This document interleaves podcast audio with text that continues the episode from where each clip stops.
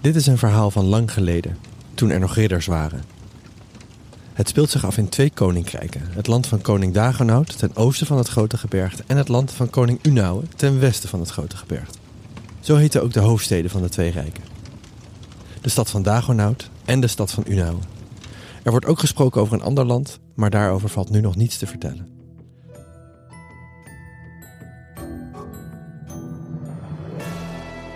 Welkom bij Fantasiewerelden, een podcast waarin wij, Esther, En Thomas, antwoord proberen te vinden op de vraag: hoe maak je een goede fantasiewereld? want fantasiewerelden zijn geweldig om in weg te dromen. En kunnen je laten zien hoe we onze eigen wereld kunnen veranderen. Wij maken voor de Universiteit van Amsterdam het vak Worldbuilding voor Changemakers en Storytellers. In deze podcast hoor je over ons onderzoek naar het bouwen van fantasiewerelden en helpen we je er zelf een te maken. Want in Nederland hebben we veel te weinig fantasy-schrijvers. In deze aflevering bespreken we een van onze favoriete onderdelen van fantasiewerelden, de kaart. We spreken historisch cartograaf Annerieke van Schaik over wat fantasiekaarten zo magisch maakt, waarom ze zo belangrijk zijn en waar je rekening mee moet houden als je er zelf een wil maken. Maar eerst wil ik even alle luisteraars bedanken die ons hun Tolkien-test hebben opgestuurd, want we hebben echt fantastische eerste zinnen opgestuurd gekregen. Ja, Glenn schreef op de achterkant van de personeelsgids, heel erg à la Tolkien. Mijn benen hielden het niet meer. De kilometers eisten hun tol. Zou dit betekenen dat ik mijn belofte niet kan inlossen? Ah, En Maaike stuurde een zin die heel goed past bij de aflevering van vandaag. Lang voorbij de heuvels en de bergen, waar de zon tussen de rode bladeren van herfstbomen schijnt. Het zijn allemaal werelden die, die beginnen, toch? Mhm. Heerlijk. Ehm, wat was jouw zin ook alweer? Ja, ik ben bijna een beetje voor aan het schamen nu, maar mijn, mijn zin was nog steeds. Er waren eens twee vrienden die elkaar niet meer konden zien. Oh ja. Ja, en toen je die bedacht, hè, zag je toen ook al de hele wereld voor je of, of onderdelen van die wereld? Zag je überhaupt iets voor je? Nou, ik zag een stad voor me.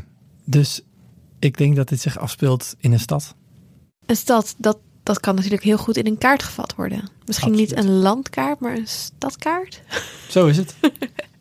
Eh, aan die omgeving van je zin, van je verhaal, of het verder invullen daarvan, daar gaan we vandaag aan werken. En ik heb echt zin in deze aflevering. Als ik in een boekwinkel sta, dan ga ik even door alle boeken heen kijken waar staat een kaart in, welke vind ik het mooist en dan die met de leukste kaart, die koop ik. Het is gewoon zo'n aanvulling aan een boek, aan een fantasiewereld, als je steeds terug kan bladeren naar de kaart en dan je nog veel meer een beeld kan vormen bij zo'n wereld. Ja, ik voel nu, terwijl je dit vertelt, ook dat gevoel. Je hebt steeds je linker wijsvinger, heb je op die kaart. Op die plek waar die kaart staat. Zodat je er elke keer, waar je ook bent in het boek, kun je dat weer terugklappen eh, naar de juiste plek. En ehm, ik ben een fan van schatkaarten. Kaarten met stippenlijntjes en een kruisje aan het einde. En, en mijn moeder vertelde dat ik als kind, dan tekende ik s'avonds zelf een schatkaart. eh, waarbij mijn tuin bijvoorbeeld goed te zien was. Dus je kon zien dat het bij ons in de tuin was. Eh, en ik hield ook een paar dingen vaag. En dan verstopte ik die kaart, nadat ik hem helemaal ouder had gemaakt met kaarsvet en dat soort Oh dingen. ja. Verstopte ik hem in de heg. En dan liet ik de volgende dag, als er vriendjes kwamen spelen, liet ik een van die vriendjes liet ik de kaart vinden. Dus ik vond hem niet zelf. Oh, Ja, slimme truc. ja. En dan gingen we dus op die kaart gingen we kijken. Maar omdat ik ook niet alles helemaal had uitgetekend, zagen mijn vriendjes ook allemaal dingen op die kaart die ik niet had bedacht. en volgens mijn moeder was ik na een minuut of 10, 20, was ik compleet vergeten dat ik die kaart dan ooit zelf getekend had. En was ik gewoon op weg naar wat dan ook, wat er bedacht was, dat, we is gingen vinden. Fantastisch.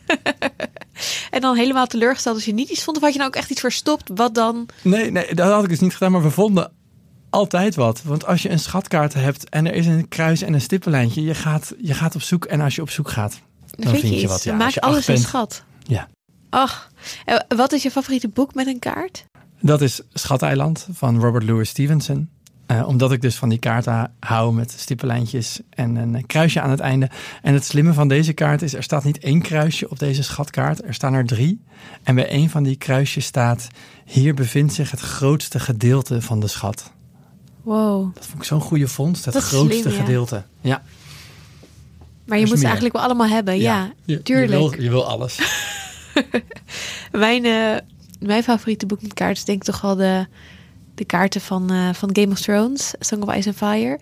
En dan vooral ook dat je in het eerste boek heb je dan de kaart van Westeros. Die zie je ook zo in de serie aan het begin, hè, dat introfilmpje. En dan hoe verder je in de boeken komt, hoe meer kaarten erbij komen. Want ze gaan naar allemaal verschillende plekken. En dan heb je opeens drie of vier pagina's met allemaal verschillende kaarten van verschillende plekken waar verschillende personages zich bevinden. En gewoon zo vet dat je steeds verder die wereld leert kennen met steeds meer kaarten, steeds meer plekken. Echt heerlijk. En, en het past ook zo bij die super uitgebreide wereld dat je helemaal weet. Ik weet bijna meer over die wereld dan ik over nou ja, heel veel die plekken in de echte wereld alle andere weet. plekken. Ja, Ja. ja. Ja. vrij bizar. R.R. Martin zei al dat hij meer van Midden-Aarde weet dan van bijvoorbeeld Uruguay. Ja, Dat ben ik helemaal met je eens. En het slimme van deze intro, die je dus niet skipte, was dat je, je vloog naar steeds nieuwe steden. Maar ik als kijker van de serie zag dus ineens een nieuwe stad op die kaart verschijnen. En dan wist ik, er gaat iets nieuws gebeuren. ja, ik was ook altijd helemaal excited als ik dan zag... oh, we gaan in deze aflevering naar die plek. Oh, ik heb daar echt zin in. het was een hele goede manier om je als kijker op te warmen. Nou ja, en waarom we het er ook natuurlijk in deze aflevering over gaan hebben... het is gewoon echt een manier om de wereld voor de lezer vorm te geven. Maar ook, denk ik, als maker kan het een manier zijn om zelf jezelf te dwingen eigenlijk... om je wereld verder vorm te geven. Ja, want zoals Tonke Dracht zei in aflevering 1... Zodra je de kaart tekent, heb je een idee van, van de grootte, van de grenzen. Omdat hoe lang is ongeveer een reis in deze wereld? Hoe ver moet je? Ehm, ik denk dat het ook echt kan helpen om de wereld voor je te zien, wat je ook tekent. En daarover schreef eh, Stevenson van de Schatkaart. Elke schrijver zou met een kaart moeten beginnen. Of het nou op een echte plek of in een fictionele plek speelt. Want als je je eigen kaart bekijkt, ontstaan er verbanden die je niet kon vermoeden. Onverwachte, maar toch logische binnendoorpaadjes. Voetafdrukken van je boodschappers. En zelfs als je de kaart helemaal niet centraal maakt in je boek, zoals hij zelf wel deed, dan zal het een bron van inspiratie blijken. Oh, wat mooi gezegd. Ja, dat is waarom we ermee aan de slag gaan eh, deze aflevering.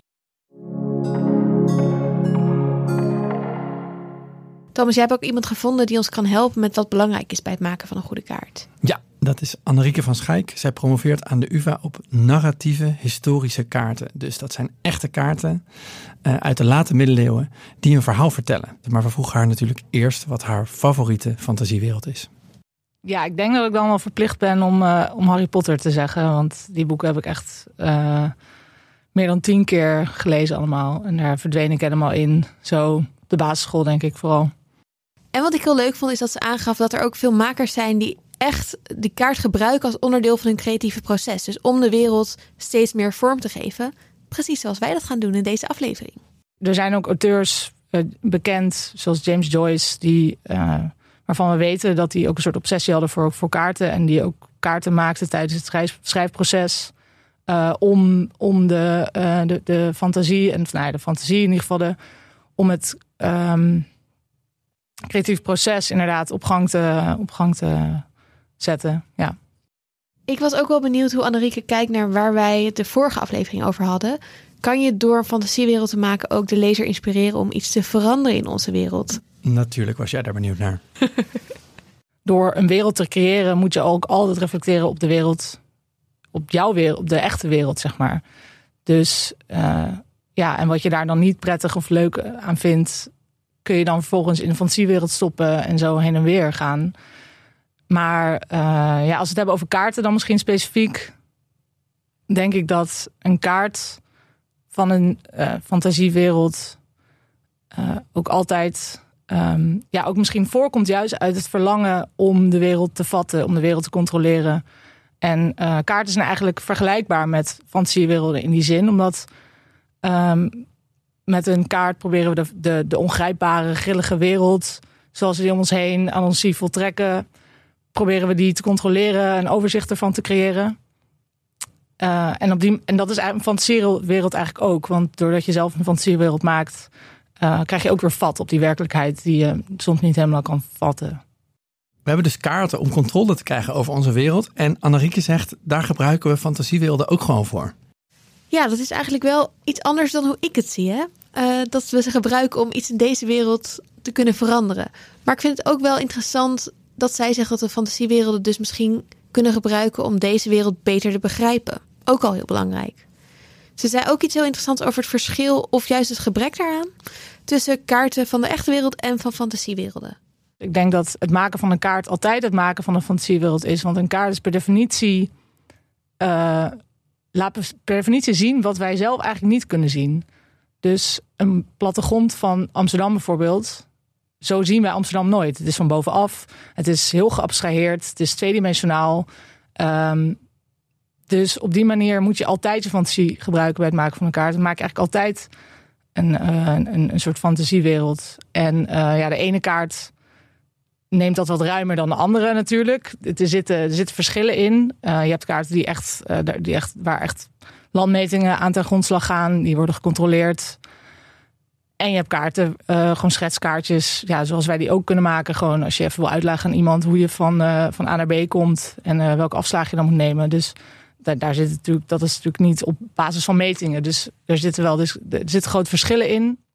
En ik was ook wel benieuwd of ze iets kon zeggen over die enorme aantrekkingskracht van kaarten. Waarom we er zo van houden. kaarten zijn supermenselijke producten. Je hebt, je hebt natuurlijk nu met, digitale, met digitale cartografie wordt het misschien wat minder menselijk. Maar goed, eh, dat terzijde. eh het is een puur menselijk artefact, zeg maar. Er, er is iemand die die kaart heeft gemaakt. Er zitten keuzes achter. Ehm, diegene heeft het gemaakt met een bedoeling. Die wil eigenlijk iets vertellen. Of iets bereiken met een kaart. En dat zie je niet op het eerste oogopslag. Maar ja, door langer naar de kaart te kijken, kom je eigenlijk heel veel achter, soort van die wereld, kom je dichter bij de wereld achter de kaart. Dus ik denk dat het ehm, zo, zo, zo aantrekkelijk is, omdat het iets zegt over hoe mensen vroeger naar de wereld keken. Dus hoe ze de wereld om hen heen probeerden het samen te vatten, probeerden te begrijpen. Dus ik denk dat dat een van de eh, ja, aspecten is die, waarom, het, waarom een kaart zo aantrekkelijk is. Ja, anderzijds kun je eindeloos dwalen. Je kan geen enkele kaart in één oogopslag zien. Je moet de hele tijd. Ja, je blik moet verplaatsen. Je, je, sommige dingen zijn klein, sommige dingen zijn groot. Uh, er is niet een boek lees je gewoon van, ja, van links naar rechts, nou dan wij. Uh, en um, ja, van begin tot eind. Maar je kan een kaart niet van begin tot eind lineair lezen, zeg maar. Je, je moet, je wordt op een, een of andere manier ja, je moet een beetje op ontdekking gaan, op, op ontdekkingstocht gaan door de kaart. Al helemaal als je niet per se een, een, uh, iets hebt wat je specifiek met de kaart wil bereiken. Kijk, als ik hierheen kom fietsen, dan gebruik ik een kaart om hier te komen.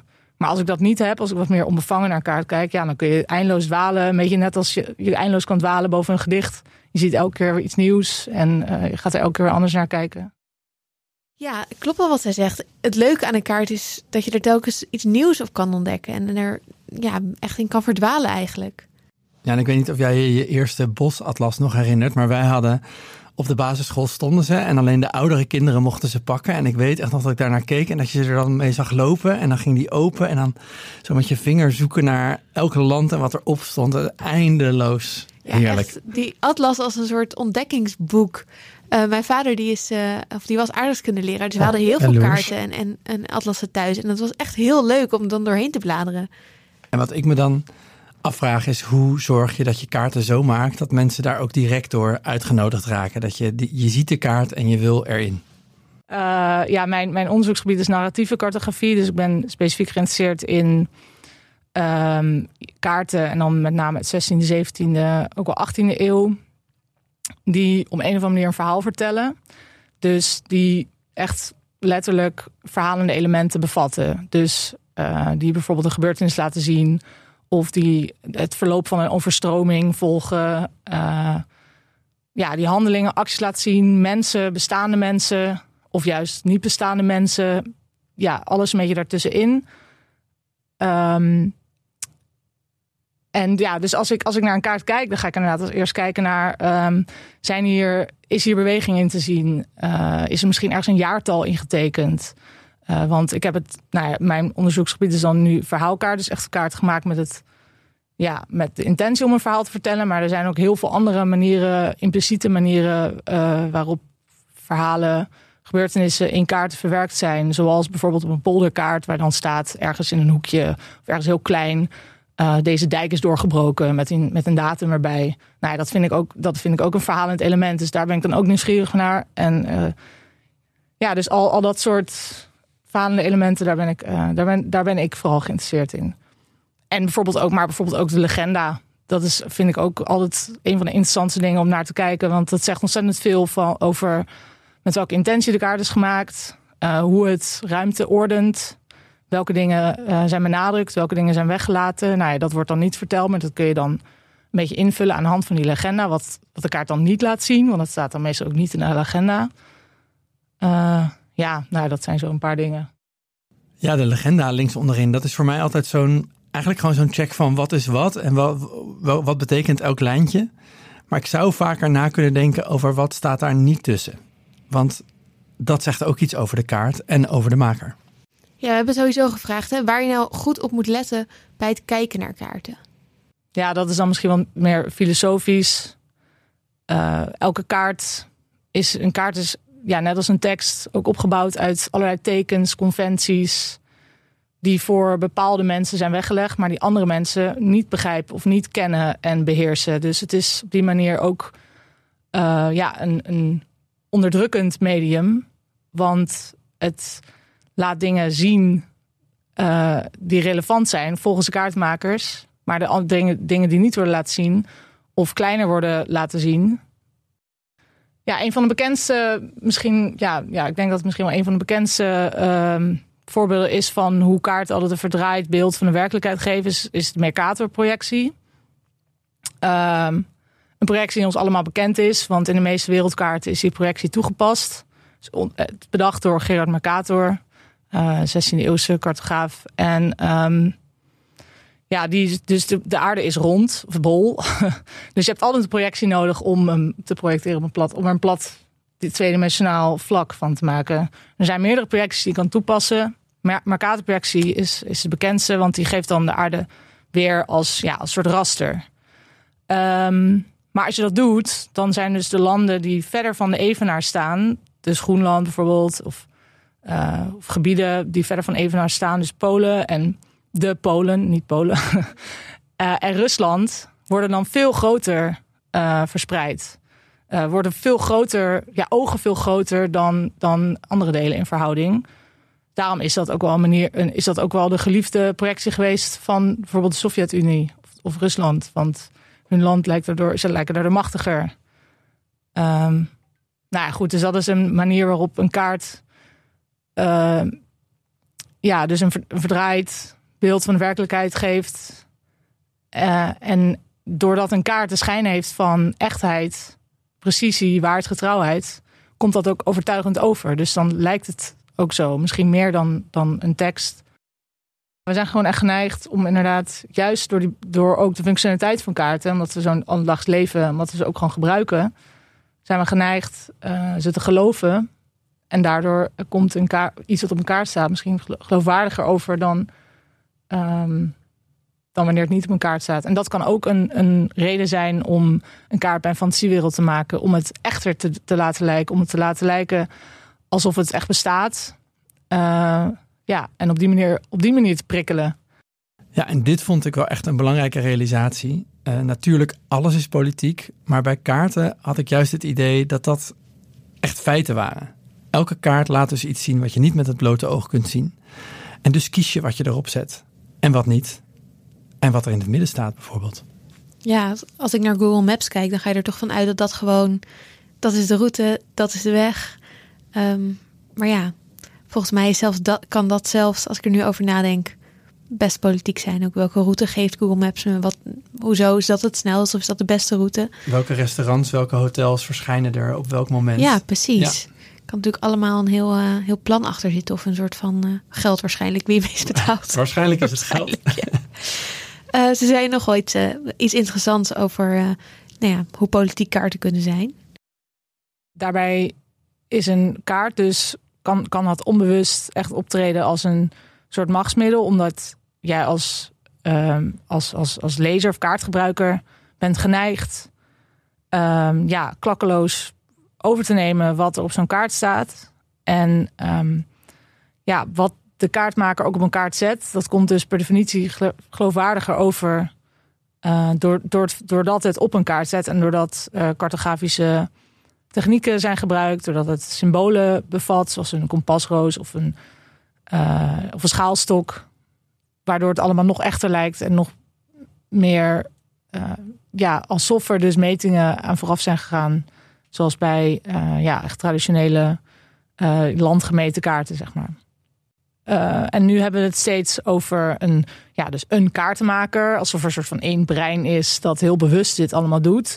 Maar wat um, John Brian Harley ook zegt, is dus dat, uh, nou, ik weet niet of hij dit zo letterlijk zegt, maar dit, uh, mijn interpretatie van is, moet je bewust zijn van dat het uh, ook allemaal een soort, ja, dat het een construct is, gebaseerd op een set tekens, regels die er zijn, conventies die, die er zijn, op een beetje op abstract niveau, gevormd door sociale context, door je culturele context, die bepalen um, hoe we een kaart construeren. En dat is dus heel gebonden aan de sociale culturele context waarin die kaart is ontstaan. En ja, daar tegenover, uh, dus als we het nu hebben over een westerse kaart van de wereld bijvoorbeeld, um, die we nu gebruiken, daar tegenover staat uh, bijvoorbeeld uh, inheemse cartografie of kaarten gemaakt uh, door niet-westerse mensen, oorspronkelijke bewoners van, nou ja, goed, van een gebied dat wij als Westen hebben gekarteerd. Maar daarbij, dat komt dan niet overeen met hoe de oorspronkelijke bewoners überhaupt de wereld zien of uh, het begrip van een kaart hebben of het begrip van een wereld. Dat, dus op die manier onderdrukt het dan uh, ja, andere mensen. Dit is super interessant, toch? Ik denk echt dat ik nooit meer hetzelfde naar een kaart ga kijken. Ik was wel benieuwd hoe je hier rekening mee kunt houden met je eigen kaart. Ja, als het een fantasiekaart is voor jouzelf helemaal alleen, dan kan je natuurlijk helemaal je gang gaan. Maar uh, ik denk dat het ook vooral voor de gebruiker iets is om uh, bewust van te zijn, de lezer. Uh, want het is onontkoombaar dat een kaart. Je kan niet een kaart ka maken zonder je achtergrond. Um, want je maakt altijd gebruik van de technieken, van de tekens die je beheerst, van de woorden die je kent. Dus je kan natuurlijk wel proberen en er bewust van zijn. Maar uiteindelijk moet, uh, moet, moet iedereen zich van bewust zijn. Dus ook, ook de gebruikers. En is, het is, ja, je kan het eigenlijk niet ontkomen dat je als maker uh, ja, niet neutraal bent. Dus dat moet je ook zeker niet proberen. je kan ook juist als kaartenmaker heel erg proberen andere mensen in je proces te betrekken. Dat is ook iets wat nu steeds meer gebeurt, de laatste jaren steeds meer gebeurt. Dat nou, wanneer een kaart wordt gemaakt van een gebied dat de mensen hier wonen, hun ervaringen, hun herinneringen, hun belangrijke plaatsen uh, worden meegenomen aan de hand van interviews, uh, op welke manier dan ook, dat het meer, ja, dat het meer een soort inclusieve cartografie uh, oplevert. Um, daar, zijn nu al, daar zijn allemaal methoden voor en dat is, dat is een manier om het te doen. Maar het is inderdaad, ja, je moet je gewoon heel erg afvragen: wat wil ik bereiken met de kaart? Wat wil ik laten zien? Wat is het doel?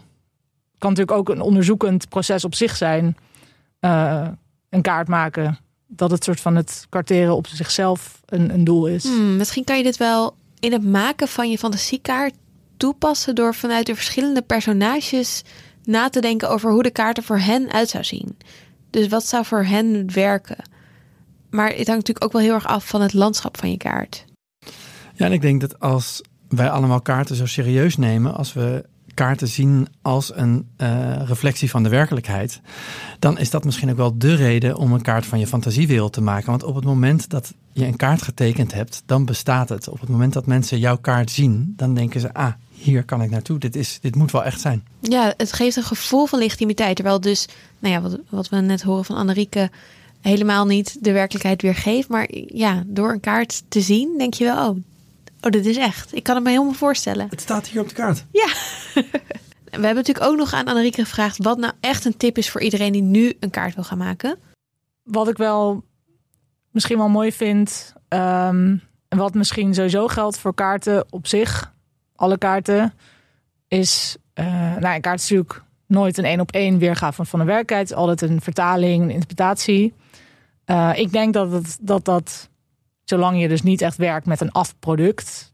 Zolang je niet in kaart maken zo klaar en dan dat is het. Uh, maar als we het echt hebben over fantasiekaarten die, ja, die steeds zich verder uitbreiden en zich steeds verder ontspinnen, zeg maar, dan zou ik het heel erg proberen te benaderen als een, als een dialoog. Dus zeg maar, eh, ja, je begint met een kaart maken. Vervolgens ehm, ga je er naar kijken. Wat zou ik hier, wat, eh, welke fantasie levert er nog meer op? Het is een soort wisselwerking. Ja, een soort van gesprek met de kaart. Eh, dat zou, als, als ik nu probeer voor te stellen, als ik een fantasie, fantasiekaart zou maken, zou, zou ik het een beetje zo zien. Kaart meer als een soort bemiddelaar tussen jou en die fantasiewereld. Heel mooi gezegd. Zo zie ik het eigenlijk ook als lezer. Want door die kaart kan ik me de fantasiewereld heel veel beter voorstellen. En als maker kan het je dus denk ik ook echt helpen bij het bedenken van je wereld. Want als je de kaart gaat vormgeven, dan ben je dus ook vorm aan het geven aan jouw wereld.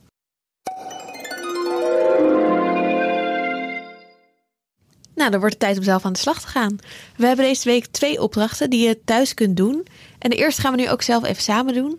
Hij lijkt een beetje op de Tolkien-test. Dus ik zat te denken, misschien kunnen we dit de Thomas-test noemen? Omdat jij deze hebt bedacht vanuit je werk als speechschrijver. Ik zou heel erg blij zijn als direct na de Tolkien-test de Thomas-test komt.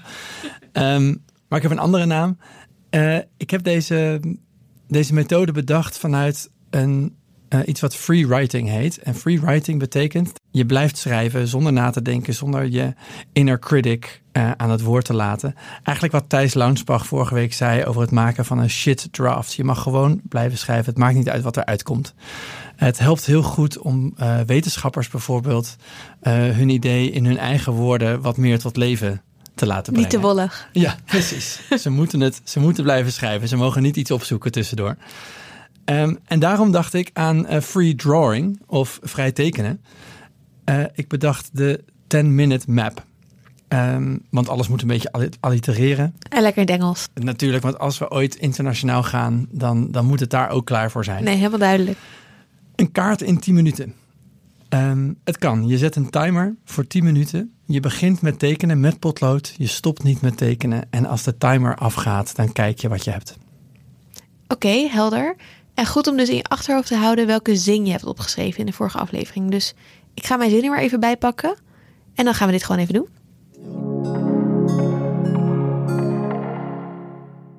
Zo, 10 minuten. Het is best, uh, best prima geworden. Kan je me jouw kaart laten zien? Ja, ik heb, uh, zoals je heel goed kunt zien, heb ik een, een stad getekend. En midden in die stad, ik vind eigenlijk dat het best wel goed gelukt is, staat een hele dikke muur met wachttorens. Dus je ziet een beetje de plattegrond van een stad en die muur is er eigenlijk een soort van overheen geplaatst. Ja, ik zie ook heel duidelijk gewoon alle, alle blokken, zeg maar, huizenblokken. Of misschien zijn het wel winkels, of dat, dat kan je natuurlijk nog niet zien. Nee, maar ik, ik had in 10 minuten de tijd om van al die wijken, om daar gewoon kleine huisjes in te ja. tekenen. En ik dacht bij sommige huisjes, puur toevallig, van uh, hier gebeurt misschien wel iets, dus daar heb ik een kruisje gezet. Hmm, ik dacht dat dat de schatten waren. Nee, er zitten hier geen schatten. Oh, oké, oké. Nee, dat moet je nog uitwerken. Ja. Daar is 10 minuten te weinig voor. Uh, ik ben meer voor een, uh, een wereldkaart gegaan. Um, het, ik moet zeggen dat ik ook nu er naar kijk wel misschien een tikje Tolkien, de bergen, het bos, de rivier. Ja, een eiland is het ook? Ja, ja het is een eiland. Ja, dus dat, dat zijn wel meteen grenzen aan mijn, aan mijn wereld. Vind ik ook wel fijn. Dat ik gewoon weet, hier speelt het zich af. Iedereen blijft hier binnen ik heb natuurlijk wel een eerste zin um, die, waar een beetje beweging in zat. Want ze realiseerde zich dat ze hier niet langer kon blijven. Dus er moet een reis gemaakt worden, denk ik. En ik denk dat dit landschap daar wel een goede basis voor biedt. Ja, zoals ze zeggen, uh, mensen houden van landschappen met allerlei verschillende elementen erin. Want dan heb je altijd iets verschillends voor wat je nodig hebt. Nou, dat, dat, dat zat er meteen in, ja. Ik ben nu super benieuwd naar alle kaarten die, uh, die luisteraars hebben gemaakt. Um, stuur ons je kaart toe. Dat kan op uh, fantasiewerelden.dagenacht.nl, maar ook ons Instagram-account, heel makkelijk, fantasiewerelden. Um, we kunnen ze dan ook delen met, uh, met de volgers.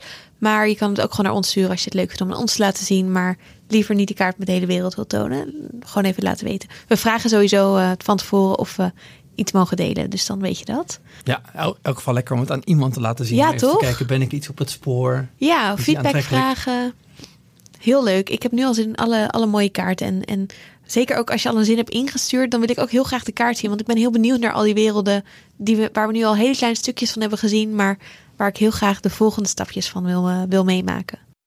Ja, en ik wil als tweede opdracht nog wel even eh, met een lofzang op de schatkaart. Want dat is de de allereerste kaarten die we maakten waren een soort schatkaarten. Je schreef op de, op de wand in de grot waar de meeste dieren te vinden waren of waar schoon water te vinden was. Uh, Treasure Island, die kaart, Schatteneilandkaart, is een van de meest geprinte fantasykaarten naast die van Tolkien. En die Treasure Island map, die raakte zo in, in omgang. Die Treasure Island kaart, die werd ineens zoveel gedeeld dat er rond 1800 het uitkomen van dat boek overal schatkaarten tevoorschijn kwamen, zogenaamd gemaakt door piraten die als enige de schipbreuk hadden overleefd en als enige dus nog wisten waar de schat begraven lag. En dus vertrokken er vanuit Engeland ineens allemaal schepen op weg naar Trinidad bijvoorbeeld, om te kijken waar die schat dan begraven lag. Maar dat was helemaal niet echt. Was helemaal niet echt. Nee, hij had gewoon iemand op een zeildoek een schatkaart getekend en dat verhaal verteld. En dan vertrokken er. Eigenlijk net 40 zoals jij dat deed. Precies wat ik deed. Ja. Maar dan wel nog iets, het was nog iets groter opgezet. Ja. Nou, ik denk dus, mijn theorie is dat schatkaarten de meest aantrekkelijke objecten zijn ongeveer die er zijn. En ik denk dat je zelfs een hele serieuze volwassene op de, op de fiets naar zijn werk kunt afleiden met een schatkaart. En daarom wil ik een voorstel doen aan jullie. Ik wil de schatkaart challenge deze week. Ik wil dat je voor een huisgenoot, een partner, een kind, een ouder ehm, een schatkaart maakt. Dus bijvoorbeeld je huisgenoot zit met smacht te wachten op de toelatingsbrief van de universiteit. Jij hebt die, univers- je hebt die brief als eerste gekregen. Je legt hem niet direct op haar bed neer, maar je verstopt hem ergens en je maakt voor haar, voor je huisgenoot, een schatkaart. Ja, Amazing. iemand is op zoek naar de chips. Je geeft ze niet meteen, maar je, maakt, je legt ze ergens anders. Je maakt een schatkaart. Ik denk dat iedereen vrolijk wordt eh, van een schatkaart. Ik weet in elk geval dat ik zelf, naar welke afspraak ik ook moet, als ik ineens een schatkaart zie liggen, dan stop ik gewoon met wat ik doe en dan Ja. ga ik op weg naar het kruis. Ik hoop dat mijn collega's nu allemaal schatkaarten gaan maken voor alle meetings die ik de komende tijd heb. Ja, en dat je die dan niet kon vinden. Oh ja, dat, dat dan ook nog. Heel goed idee.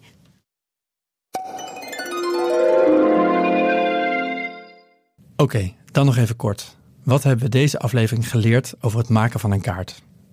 Ten eerste, alle kaarten zijn fantasiekaarten. Kaarten zijn niet neutraal, maar ze stralen wel uit dat ze objectief iets vertellen over de wereld. En we houden zo van kaarten omdat ze heel menselijk zijn en omdat ze verhalen vertellen. En je kan een kaart ook gebruiken om je wereld te ontwikkelen. Nou, best wel weer veel geleerd. Ja, Volgende week gaan we het hebben over het fantasie-element. Want we hebben nu een, eh, een eerste zin, een eerste stapje van, de, van onze wereld. We hebben een kaart. Maar wat maakt deze wereld nou precies een fantasiewereld? Of wat maakt het fantasy? Wat is überhaupt fantasy? Dat is waar we het eh, volgende week over gaan hebben. En we hebben daarvoor een superleuk gesprek gehad met Thomas Oldeheuvels.